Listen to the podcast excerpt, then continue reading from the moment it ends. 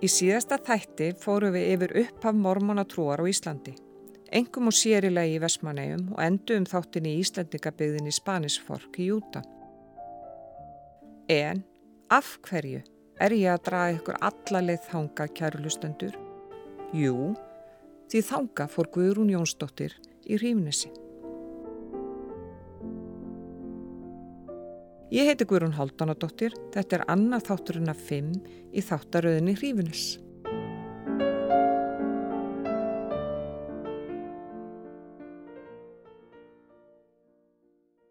Guðrún Jónsdóttir, hún fættist í landegjum árið 1816 og hennar er getið í þjóðsögum Jóns Átnasonar. Og þar er sagt að á henni hafi kvilt einhvers konar bölfun. Það gekk allavega hana á ímsu í hjónabandi hennar og Einars Bjarnasonar, hrefstjóra og bónda í hrífunissi. En áður en við vikjum að því, þá skulum við rekja okkur í gegnum sögu ábúenda jarðarinnar og þar skulum við byrja á fyrstu konu Einars. Rannveig Jónsdóttir fættist vorið 1791. Hún bjó fyrstu árin á nokkrum bæjum í vestur Skaftafellsíslu, ímist hjá foreldrum eða sem tökubarn. Rannveig varð húsfreyja í Hrífunesi 25 ára gömul þegar hún gekk í hjónaband með Árna Árnasinni bonda en hann hafi tekið við búinu í Hrífunesi af föður sínum og alnafna.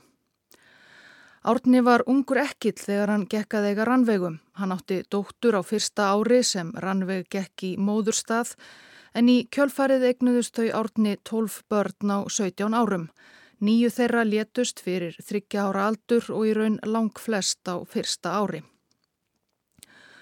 Árni lést höstið 1839 og ári síðar kom Einar Bjarnason í hrífunni sem vinnumadur hjá Rannveigu húsmóður.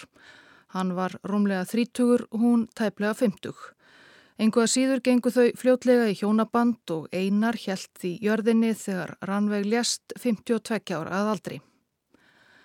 Þá víkur loks sögu að Guðrúnu Jónsdóttur sem giftist einar í Hrífinesi árið 1847. Einar og Guðrún eignuðust sjö börn en tvö þeirra létust á barsaldri. Þau tóku líka stúlku í fóstur og ólu hana upp. Eins og við sögum frá í síðasta þætti, þá átti Guðrún bróður, Loft Jónsson og hann var einna fyrstu íslensku mormónunum í Vesturhemi. Hans er getið eins og Guðrúnar í þjóðsögum Jóns Átnarssonar nánatiltekið í sögunu af þeim múlakotsbræðurum sem að voru fadir þeirra og föðubróður.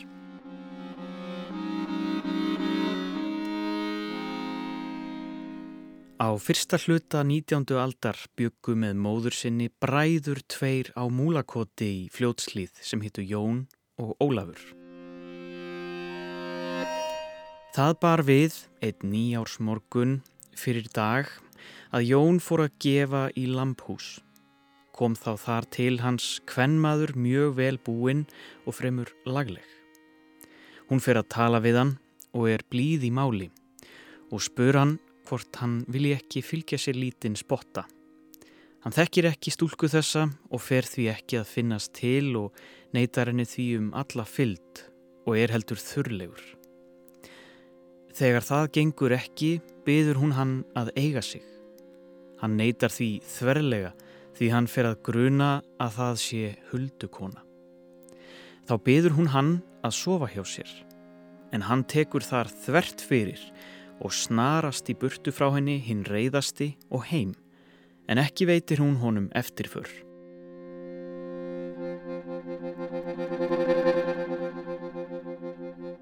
Jón segir engum frá þessu og hann fer með Ólafi bróðu sinum í kirkjudaginn eftir og þeir fari kaffi hér og þar á heimleiðinni og það er komin nótt þegar þeir bræður komað merkjá skamt frá múlakotti. Veðri var þann veg háttað að það var nokkuð þygt loft og logn en tungl næstum í fyllingu og var því ekki dimt. Þegar þeir eru nýkomnir yfir ána sjá þeir báðir að kvennmaður kemur gangandi á mótið þeim og þegar þau mætast sér Jón að það er svo sama sem Jón hafði hitt um morgunin í lamphúsinu. Fer hún að byggja Jón sama og um morgunin og sæki nú fast á. Jón reyðist og fyrir hann aðtyrða hanna heldur freklega og vil stjaka henni frá sér. En Ólafur bróðir hans aftrar honum frá þessu og byður hann að vera góðan. Þá segir konan með reyði svip að þó hann ekki hafi viljað þýðast sig, þá hafi hann ekki þurft að aðtyrða sig og rekja og skuli hann kenna á því síðar og hans afkvæmi.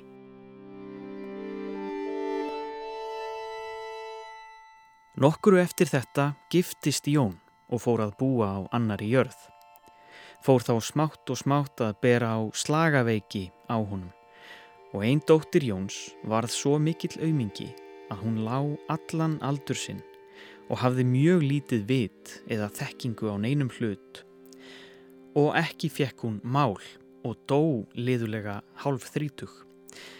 En eftir að hún deyði fekk sýstir hennar veikindi mikil með vitfyrings eða galinskap sem áður var hinn efnilegasta stúlka.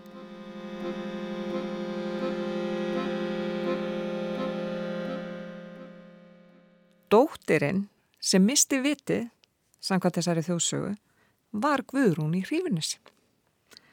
Nákamlega hvernig það kerðist að hún var vitfyrt, vitum við ekki og auðvitað er erfitt að taka sögur um huldufólk alvarlega.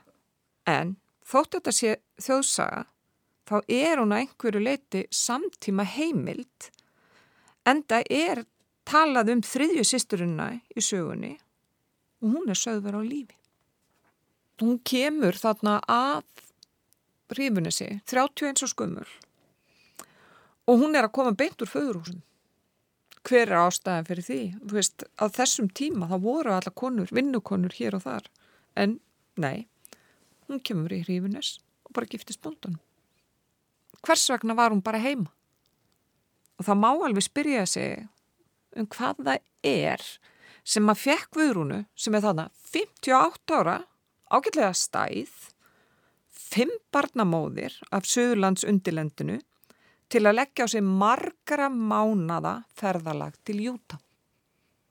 Og þrátt verið að væru tengsl á milli flestra þessara íslettinga sem að fóru til Júta, þá komu þeir úr ólíkum þjóðfélagsópum og þeir voru í raunni af ólíkum stigum. Og Kári Bjarnason, forstöðumæður Sapnahúsins í Vestmanneum, sem er sennilega helsti sérfræðingur okkar í upphafi mormonatrúar á Íslandi, segir þetta fólk hafa átt eitt líkilatriði sammeila. Þeir sjá tækifæri einhverju nýju og tækifæri liggur í því að þessum tíma þá eru mormónandir að hvetja fólk mjög mikið auðvita til að festa rætur í nýja heiminum og á þessu nýja stað sem var Júta í Bandaríkjónum. Við hefum náttúrulega tölvöld að brefum, það sem að eh, þeir sem er aðna fyrir lýsa þessu, það sem að drýpur smjur á hverju strái og það er náttúrulega ólíkt saman að jafna við vestmanniðar því þó að vestmanni hafi náttúrulega alltaf verið óskaplega gjöfull staður þá höfðu menn ekkert leifi til þess að vera ómikið með pöttan og ofan í eigum danakonu sem nátti fiskin, hann nátti fugglana og nátti bara all, allan pakkan.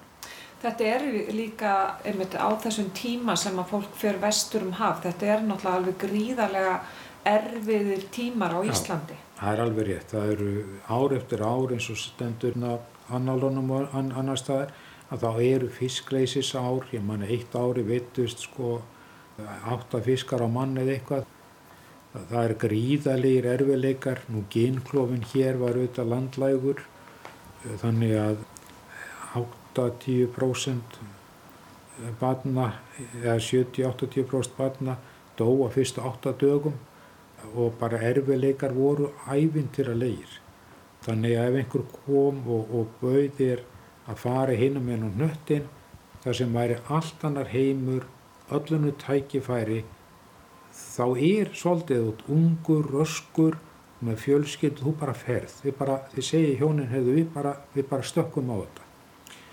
Ég skoði þetta út frá menningarsögun okkar.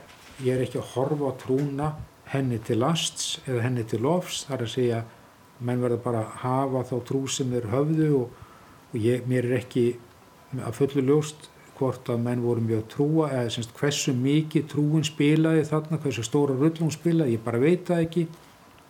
Ég veit af heimildum að Íslandingarnir drukka áfram sitt kaffi þó það væri bannað. Ég veit að cirka 15% þeirra sem komu urðu aldrei mormunar. Ég veit síðan að því ég fara þarna árun saman að vera að leita heimildum þá veit ég að alveg ótrúlega stór hluti af afkomundum þessara frumherja festi rætur annar staðar en líka ótrúlega stór sko það er ákveðinir leggir sem örðu mjög stórir þeir eru alveg rótfastir í Svanesvork og búa þar jafnvel enn. Semst kynsla frá með kynsla frá með kynsla byr enn á nákvæmlega sama stað. Þannig ég ætla ekkert að og neitt nátt að gera lítið úr því að trúin hafi kalla menn þarna en ég horfi á þetta og ég sé og skinja að tækifærin, tækifærin til að brjóta undir sér nýtt líf, verði eitthvað annað, ráða sjálfur örlugum sínum, það er alveg klárlega mikil ástæði fyrir því að menn gera þetta og menn fara. Þannig að þetta var ekki auðvelt. Eins og kom fram í fyrsta þettinum þá fluttist loftu til Júta árið 1857 ásand eiginkonu sinni Guðrún og Hallstóttur og tveimur börnum hennar að fyrra hjónabandi og þetta ferðarlega var alls ekkit auðvelt. Því fyrst var annarkort silt til Englands eða Dammerkur og þaðan var lagt að stati fyrir heitna landsins, bandaríkjana. En með þessari viðkomu þá tók syklingi frá Íslandi nokkra mánu. Ég held að þetta hljóta hafi verið erfið sykling og á þessum tíma þá var ekki búið að leggja hjártbröð til Júta en það ríkir svo sem ekki alveg í alfara leið á fyrir hluta 19. aldar. Og ef við horfum á aðstæðunar, bara horfum á, bara opnum landakort og, og kíkjum á Júta. Þannig eru fjallgarðar, ár og vötn, þessi stóru vötn. Auk þess að vestulhutti ríkisins er eðimörk, stærsta eðimörk bandarkjana. En þetta þýtti að íslensku landnimatnir Þeir þurft að ganga þvert yfir bandaríkin um 2000 kílometra til þess að komast áfangasta. Það er svona eins og að ganga hringvegin einu sinni og taka svo röldi aftur frá Reykjavík til Borgafjörðar Eistra. En þá voru líka pílagrimarnir komnið til Síjón. En hjá mormónum táknar Síjón þá hjartarheinu eða staðin þar sem þeir hjartar hennu dvelja.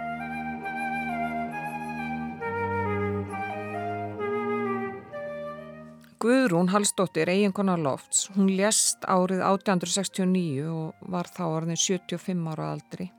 En Loftur sem var sko hvað 20 árum yngri en hún, hann bar sig mjög illa eftir látanar Og í brefi sem hann skrifaði íslenskum vini sínum um jólinn þetta sama ár þá lýsir hann einmannarleik og hann þráði að egnast íslenska konu.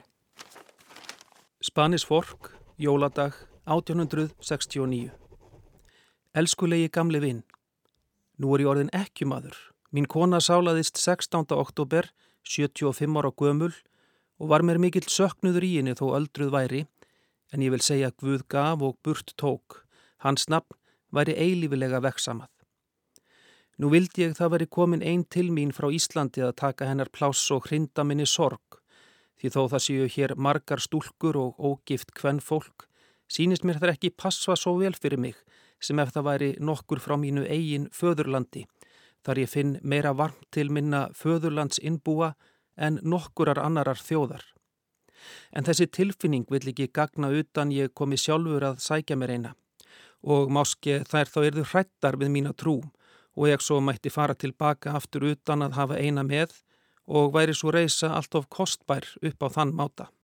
Og nokkrum árum síðar þá bara snýra hann aftur til Íslands og vestmannegar tók honum svona frekka fálega.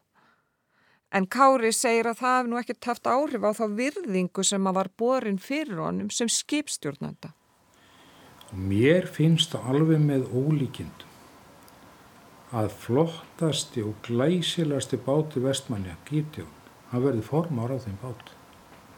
Það er ekkit vel tekið að móta um 1874 þegar hann kemur, en hann er bara slikur yfirbara maður. Hann er bara viðkjöndur. Já, þrátt fyrir að hafa farið þarna. Já, já, þrátt fyrir að vera leiðtói í mormónum og ég veit ekki hvað og hvað, það skiptir bara ekki máli. Það er smá saga hann að ytra til um hann, hann hafi verið að fá sér súpu, það var eitthvað bóð upp á súpu hérna í Vestmanniðum 1874 og hann er að fá sér súpu og sér konu. Og hann er eitthvað gónir á hann og vinnir hans þarna á Gideon, skipsfélagi, nippir í hann og segir formansinn, hvað, hvað er þetta að horfa þess á konu? Og þá sér hann, ég þetta er verðandi eiginkonu mín. Og það er enda arðriðt. Já, er það? Var þetta haldora? Já, þetta var sjálf Haldur Átnardóttir. Þau átt eftir að giftast. En ég veit svo sem ekki hvort hún er rétt, en þessi saga, en hún er góð. Haldóra Ornadóttir var frá undirhraunni í vestu Skaftafélsíslu og hún starfaði sem vinnukonna í Vestmanneum þegar hún og Loftur kynntust. Hún snerist til mormonsku og fluttist með Lofti til Spanis Fork 1874, alveg svo sýstir hans, Guðrún í Hrífinnesi. Á þessum tímapunkti hafði Guðrún búið með einar í Hrífinnesi í næstum aldarfjörðung og aljónu sjö börn, þar af fimm sem komast á barsaldri og þau teki að þessi fóstudóttur. Einar var mjög mótallin mormanatrú og hann vildi sem minnst að máju sinu vita en eitthvað kýtlaði Guðrún.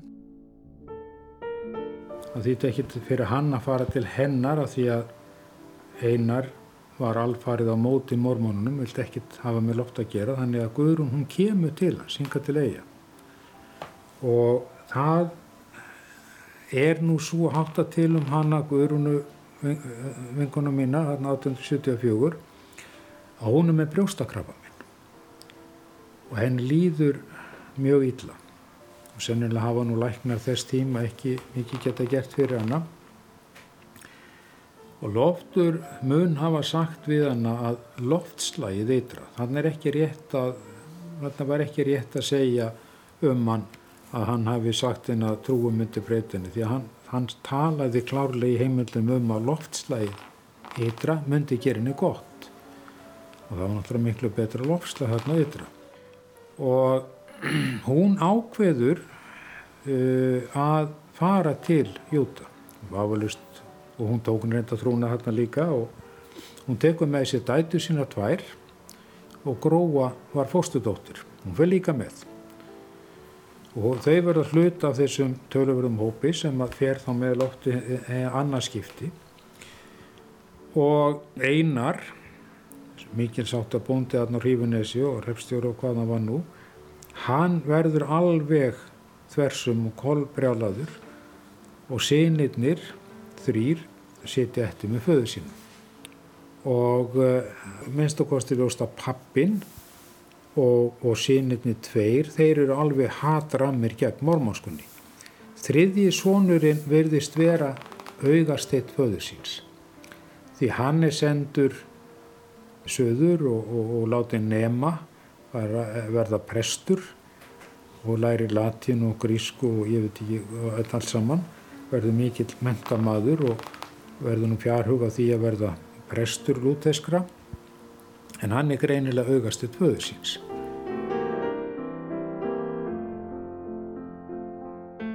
Svo þegar að einar fadurinn heyrir að kona sín sem hafi farið náttúrulega fullkomli hans óleifi, ekki bara hún sjálf, heldur tekið börnin hans með, þar sé að dæturnar hans tvær og fóstu dóttur, hún einfallega fjórum orðin setna er dáin í Júta. Hún næri engum bata, 1878 þá er hún bara dáin, hvorki meirinu minna.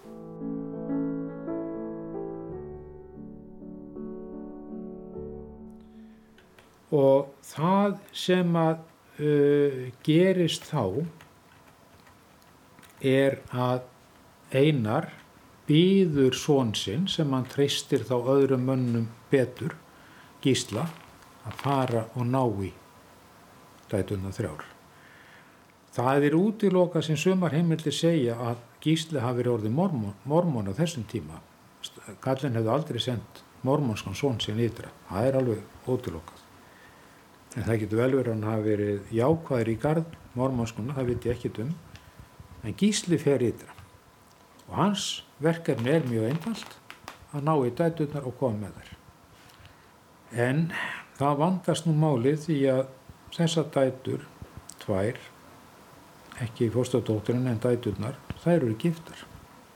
Þær eru giftar erlendum mönnum dönskum og enskum með maður rétt það er bara ekkit um það að ræða að fara að flytja þær einhvern reppaflutningi heima aftur til Íslands. Og sem að gíst er nú þarna í sínum, sínum vanda og er að velta fyrir sér hvað hann er að gera að þá fer fyrir honum eins og lofti forðum að falla fyrir haldur Loftur eins og við munum var móðubróðir Gísla. En hann dó fljótlega eftir komuna aftur til Júta á slisförum og þá stóð Haldóra bara einn eftir, ekki að vísu bjó Guðrún hjá henni hún var stjúpdóttir Lofts. Hún var á fymtusaldri og bara tölvert eldri en Haldóra en Gísli hann var á svipuðum aldri og Haldóra Hann fellur fyrir henni og þau giftast. Hann skrifa föður sínum bref, hann útskýrið það að hann sé bara orðin mormóni, dætunar hans tvær séu giftar og kom ekki, fóstudóttirum hafi fest hindi þannig í Júta eða Spanis fólk líka. Og þarna ætla hann bara að búa. Og hann byður föður sinn um það að bara hinna að koma bara sjálfur ef hann vilja og kynast þessu. En að hann blessa hann fyrir þetta eða, eða samþykki þetta og misverði þetta ekki við hann. En svo gamli, hann hafnar þessu algjörlega og það er alveg klárt að hann, og það er bara heimillir að segja það, að hann sviftir þau öll arfi. Þess vegna fóttum ég svolítið vandum það að þegar að, að, að sko konarna sé jörðuð sem hann var náttúrulega búin að afneita algjörlega í li, lifenda lífi og, og, og afneita líka börnunum og, og sérstaklega náttúrulega eftir að þegar hún var dáin, hún var alltaf sögð sko kona hans einas, kona einas.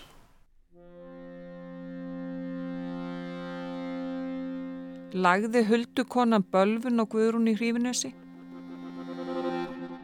Var hún vitstóla að yfirgefa mannsinn og sinni eða fann hún betra líf? Eða yfirfærið kannski bara bölfunina á einar? Bónda hennar sem misti konuna sína, tvær dætur, uppáhald sónin og fóstudótturina að auki í ókunna veröld villutrúar.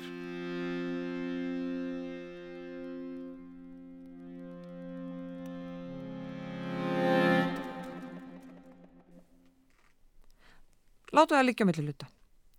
En óvænti flutninga gísla virðast að minnstakosti hafa orðið uppáhaldsinnunu blessun, hvað var það starfsframma, þótt fjölskyldum málinn ættu kannski reyndar eftir að flækjast.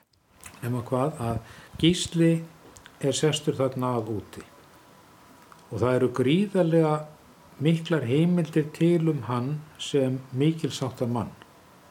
Það er sagt að hann hafi ekki haft nokkur einasta áhuga á því að vera bóndi sem hann varð að vera þarna úti í Júta.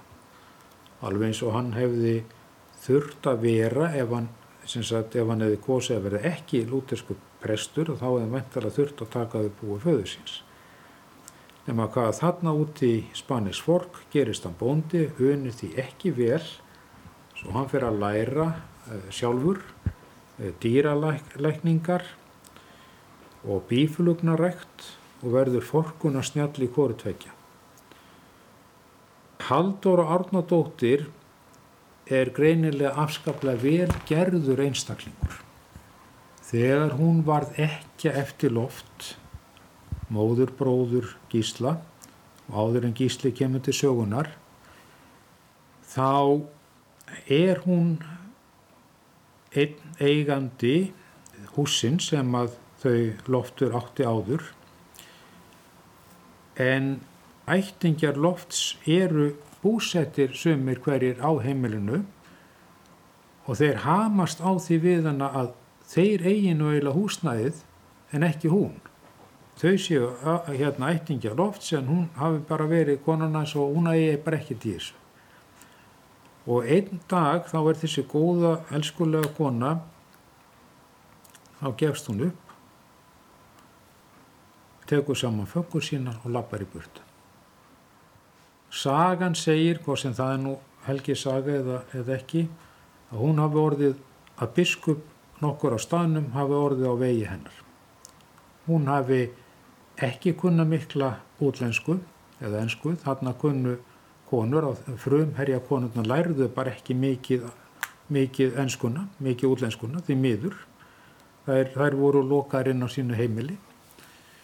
En einhvern veginn tókst honum að skilja það að hún væri búin að gefast upp fyrir hérna ættingum lofts sem hefur ennvöla, má segja, bara tekið húsið eignan á með af henni Já, rakja hana bara Ra heima. Já, rakja hana heima og hann fer með Halldóri tilbaka og hjálpar henni við það að koma þeim í skilningum það að það er bara einn eigandi þess húsi og svo eigandi heiti Halldóra Árnándóttir. Og þá kemur nú ljósa kjærning hefur haft bein í nefinu því hún held þessum eignarétt alla tíð. Hún var þarna beigð öruglega eftir skyndilegan dauða lofts hann var fyrir í slis að hestvagn gerði yfir hann og hún nær sér á stryk og þegar að gísli kemur og þau giftast og þá bara tekur hún við innast á smönn. Eitt af því sem upphásmaður mormonatrúar, Joseph Smith bóðaði, var fjölkvæni. Smith taldi fjölkvæni nöðsilegt til sálu hjálpar og dýrðar eftir andlátt fólks. Þar að segja, karlar ættu að eiga fleirin eina konu, ekki öfugt. Með því myndu fæðast fleiri börn og því tryggt að heilögum, mormonum, myndi fjölga. En nú víkur sögunni að konunum í lífi gísla.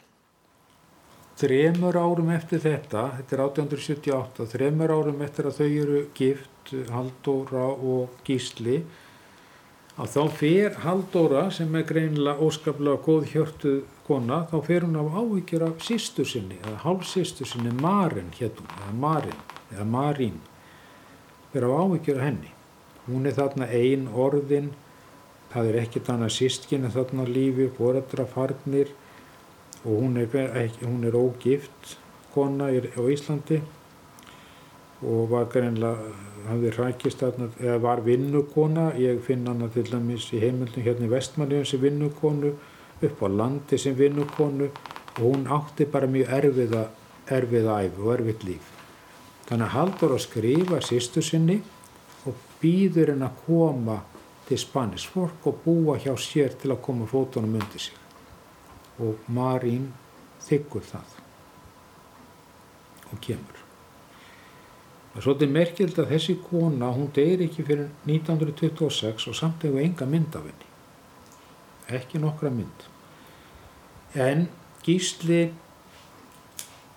hann verður svolítið ástfangin að þessari, þessari mákonu sinni.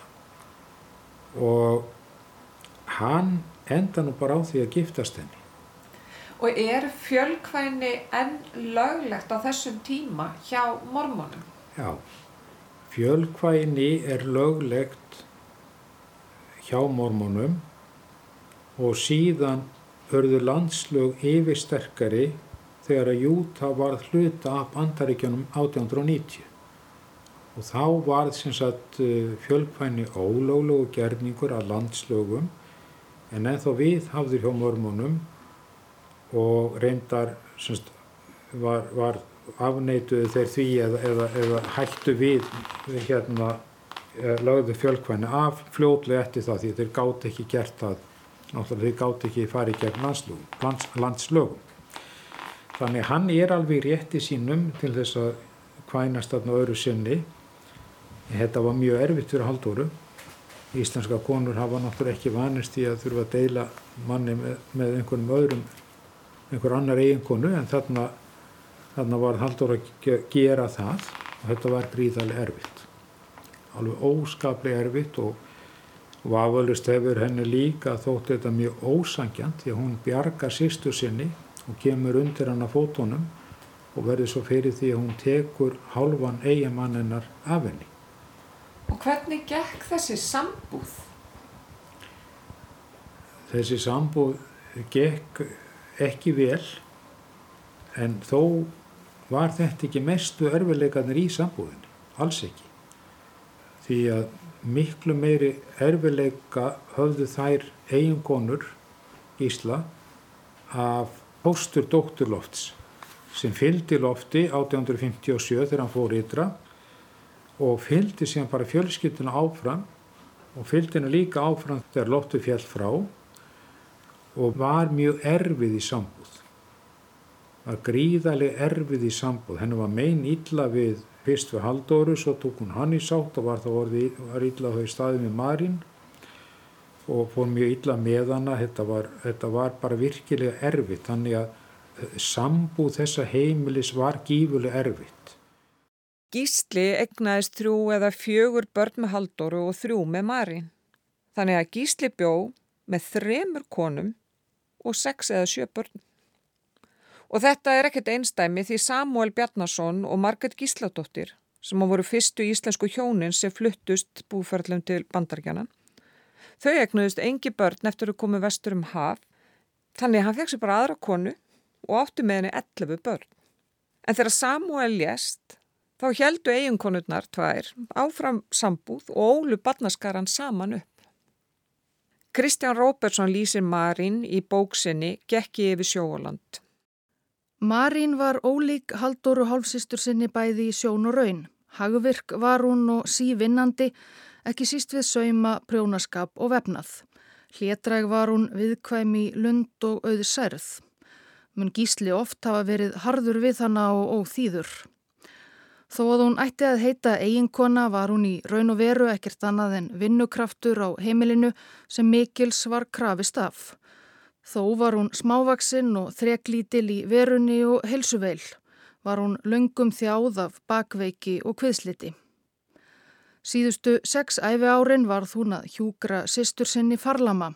Marín andaðist þrótin að kröftum 18. desember 1926, þremur árum á undan haldóru.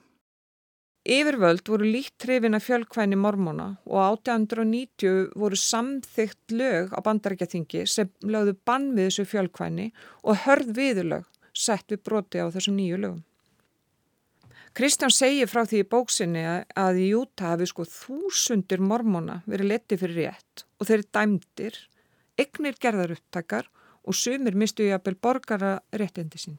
Þetta hefur náttúrulega verið alveg óbóðslega erfitt og og þetta endaði nú með því að Gísli átti, átti miklu stappi við laugin um, um bara sín mál.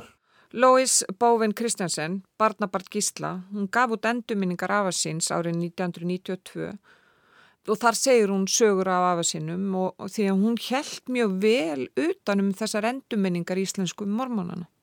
Eitt og annað er mér í bars minni. Eitt sunnudags morgun þegar við höfðum nýlokið við að etta morgunverð og vorum á leið í sunnudagaskólan þá gekk lögreglan inn um útidirnar. Þeir bunguðu aldrei. Gunna gamla, sýstir Lofts, greip Marín og reynda að íta henni niður í kjallara en Marín var þrætt og flúði inn í Svefnerbergi mömmu, Haldoru.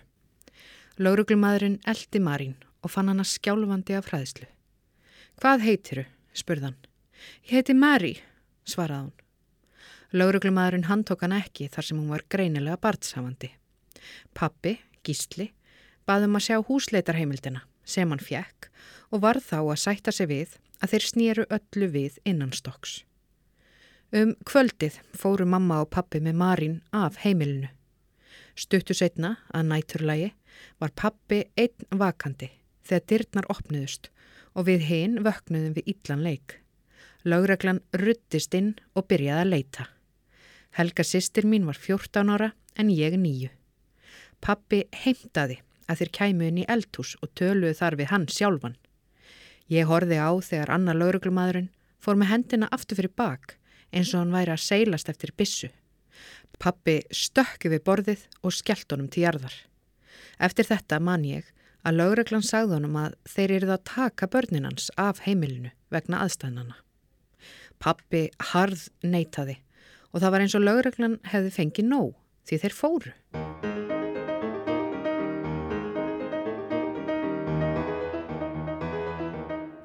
Nokkrum dögum síðar var pappi kallaðu til yfirheyslu. Við börnin fengum að fara með og ég man þegar dómarinn spurði pappa hvort hann væri tví kvæntur. Já, sagði pappi. Hún heitir Mary Bjarnason. Hvar er Mary Bjarnason núna? spurði dómarinn. Pappi svaraði því greiðlega. Dægin eftir komum við aftur í dómsalinn. Gunna gamla og Loftur bróður minn, hann hefur þá verið 16 ára, voru einnig yfirheyrð. Fyrst átt að yfirheyra Gunnu, en hún neytaði að tala ennsku. Þá var náði Íslending, en hann neytaði að þýða þar sem hún kynni ennsku. Dómarinn gafst þá upp á að yfirheyra Gunnu og snýri sér að bróðu mínum. Er þú sonur Mary? spurði dómarinn. Nei, svaraði Loftur. Móði mín heitir Haldóra. Þá var náði Mary. Þekkir þú þennan mann? spurði dómarinn. Já, svaraði Mary. Hvað hefur þú þekkt hann lengi? spurði dómarinn. Í fimm ár, svaraði Mary. Er hann eigin maður þinn? spurði dómarinn. Nei, herra, svaraði Mary. Hver ert þú þá? spurði dómarinn. Ég er Mari Bjarnason, ekki að Samuels Bjarnasonar. Konan sem þú leitar eftir er Mary Bjarnason alnafna mín. Salurinn sprakk úr látri en dómarinn heimtaði að leita þeirði betur meðal Íslandingana að fleiri konum sem hétti Mary Bjarnason. Síðan kom við henni undan og hún bjó í Kanada í nokkur ár, þá kannski hún kom tilbaka en þá gafst gísti að lokum upp á því að hafa tvær konur undir sama þækki. Það er nógu að hafa einastundum en allavega tvær var á mikið. Þannig hann byggði hús fyrir hana og þar var hún bara með börnið þeirra. Og Gunna gamla, hún var, hún var nú kannski ekki hundra ára en hún fór ekki langt því og hún held áfram að djöblast á hverju kynnslónu fættur annar. Hansi mögnuð. Þetta var, þetta var kona greinlega alveg hansi flott kona og, og þólu að gerði. Og fór hún það bara á milli húsa og gerði rusk? Já, já, hún hefur bara verið þannig. Hún, var, hún hafði náttúrulega nóg að gera, hún átti enga mann og engi börn og, og hafði allan tíma heimsins til þess að stjórna og drotna.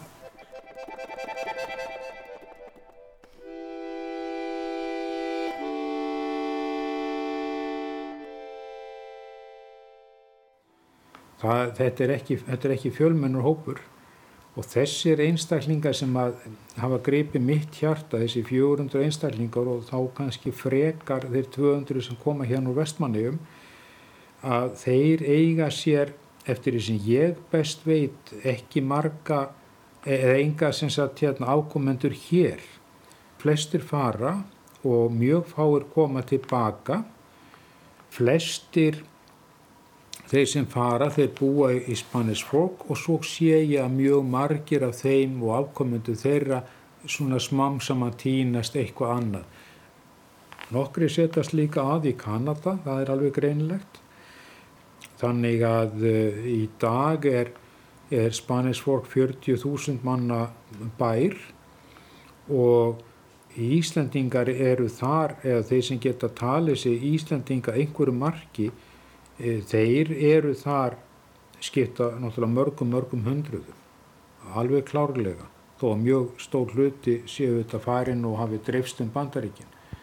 Þá er þetta þessi, þetta, þessi saga sem við erum að staldra við, þessi 400 og þessum 2,7% af menginu Ís, Íslandinga sem fóru ytra, þessi saga mormonar, þetta er saga frumherjana sem fóru og yfirgaf vestmannijar yfirgaf Ísland, settist að annar staðar, festi það rætur. Það sem hillar mig við þetta er að reyna að draga fram sögu þessar einstaklinga. Fara á bakvið nöfnin, horfa inn í sálinna, horfa inn í hjarta þessar einstaklinga, sjá hvernig sko fjölskyldurnar sem að standa á bakvið þessar einstaklinga hver eru örlögin, hvað gerðist, okkur varðum ítt út í þetta. Þetta er algjörlega hillandi partur af sögu Íslands. Okkur hefur svo litið hægt til þess að ít þessu til hlýðar út af, ef að segja, fordóm okkar gagvart mormónunum. Við höfum auðvitað svona fyrirfram skoðanir á mormónum skulum við segja eða öðrum sagt, trúar söfnuðum e, ef við bara tökum það til liðar og menn bara hafa hvaða skoðun sem við vilja á, á trúni það, og bara horfum á þessa sem lifandi einstaklinga sem eitt sem voru hver, eru, hver voru örlug þeirra? Hvað gerðist, akkur fóruður þetta? Og eins og þú ert að tala um þetta með hrífunis hversu óðbóslega óðbóslega hefur þetta rist fjölskyldun og hól þannig voru hjón við þrjá sinni þrjár dætur eða tvær dætur og fóstudóttur stór og mikil fjölskylda og einna sonunum greinilega mikið efni að verða mikil sátta maður og kannski augast höfuð síns og svo bara splundrast þetta allt.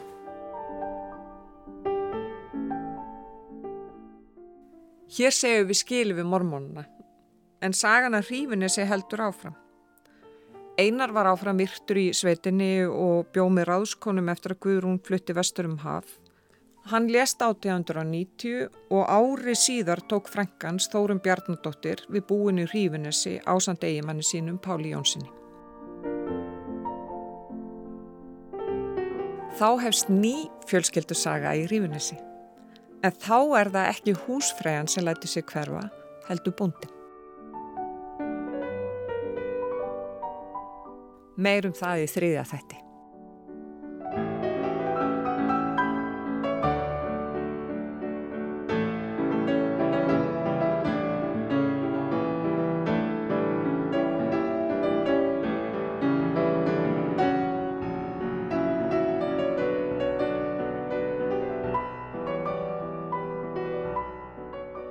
Þáttaröðun Rífinnes er framleitt af Rás 1.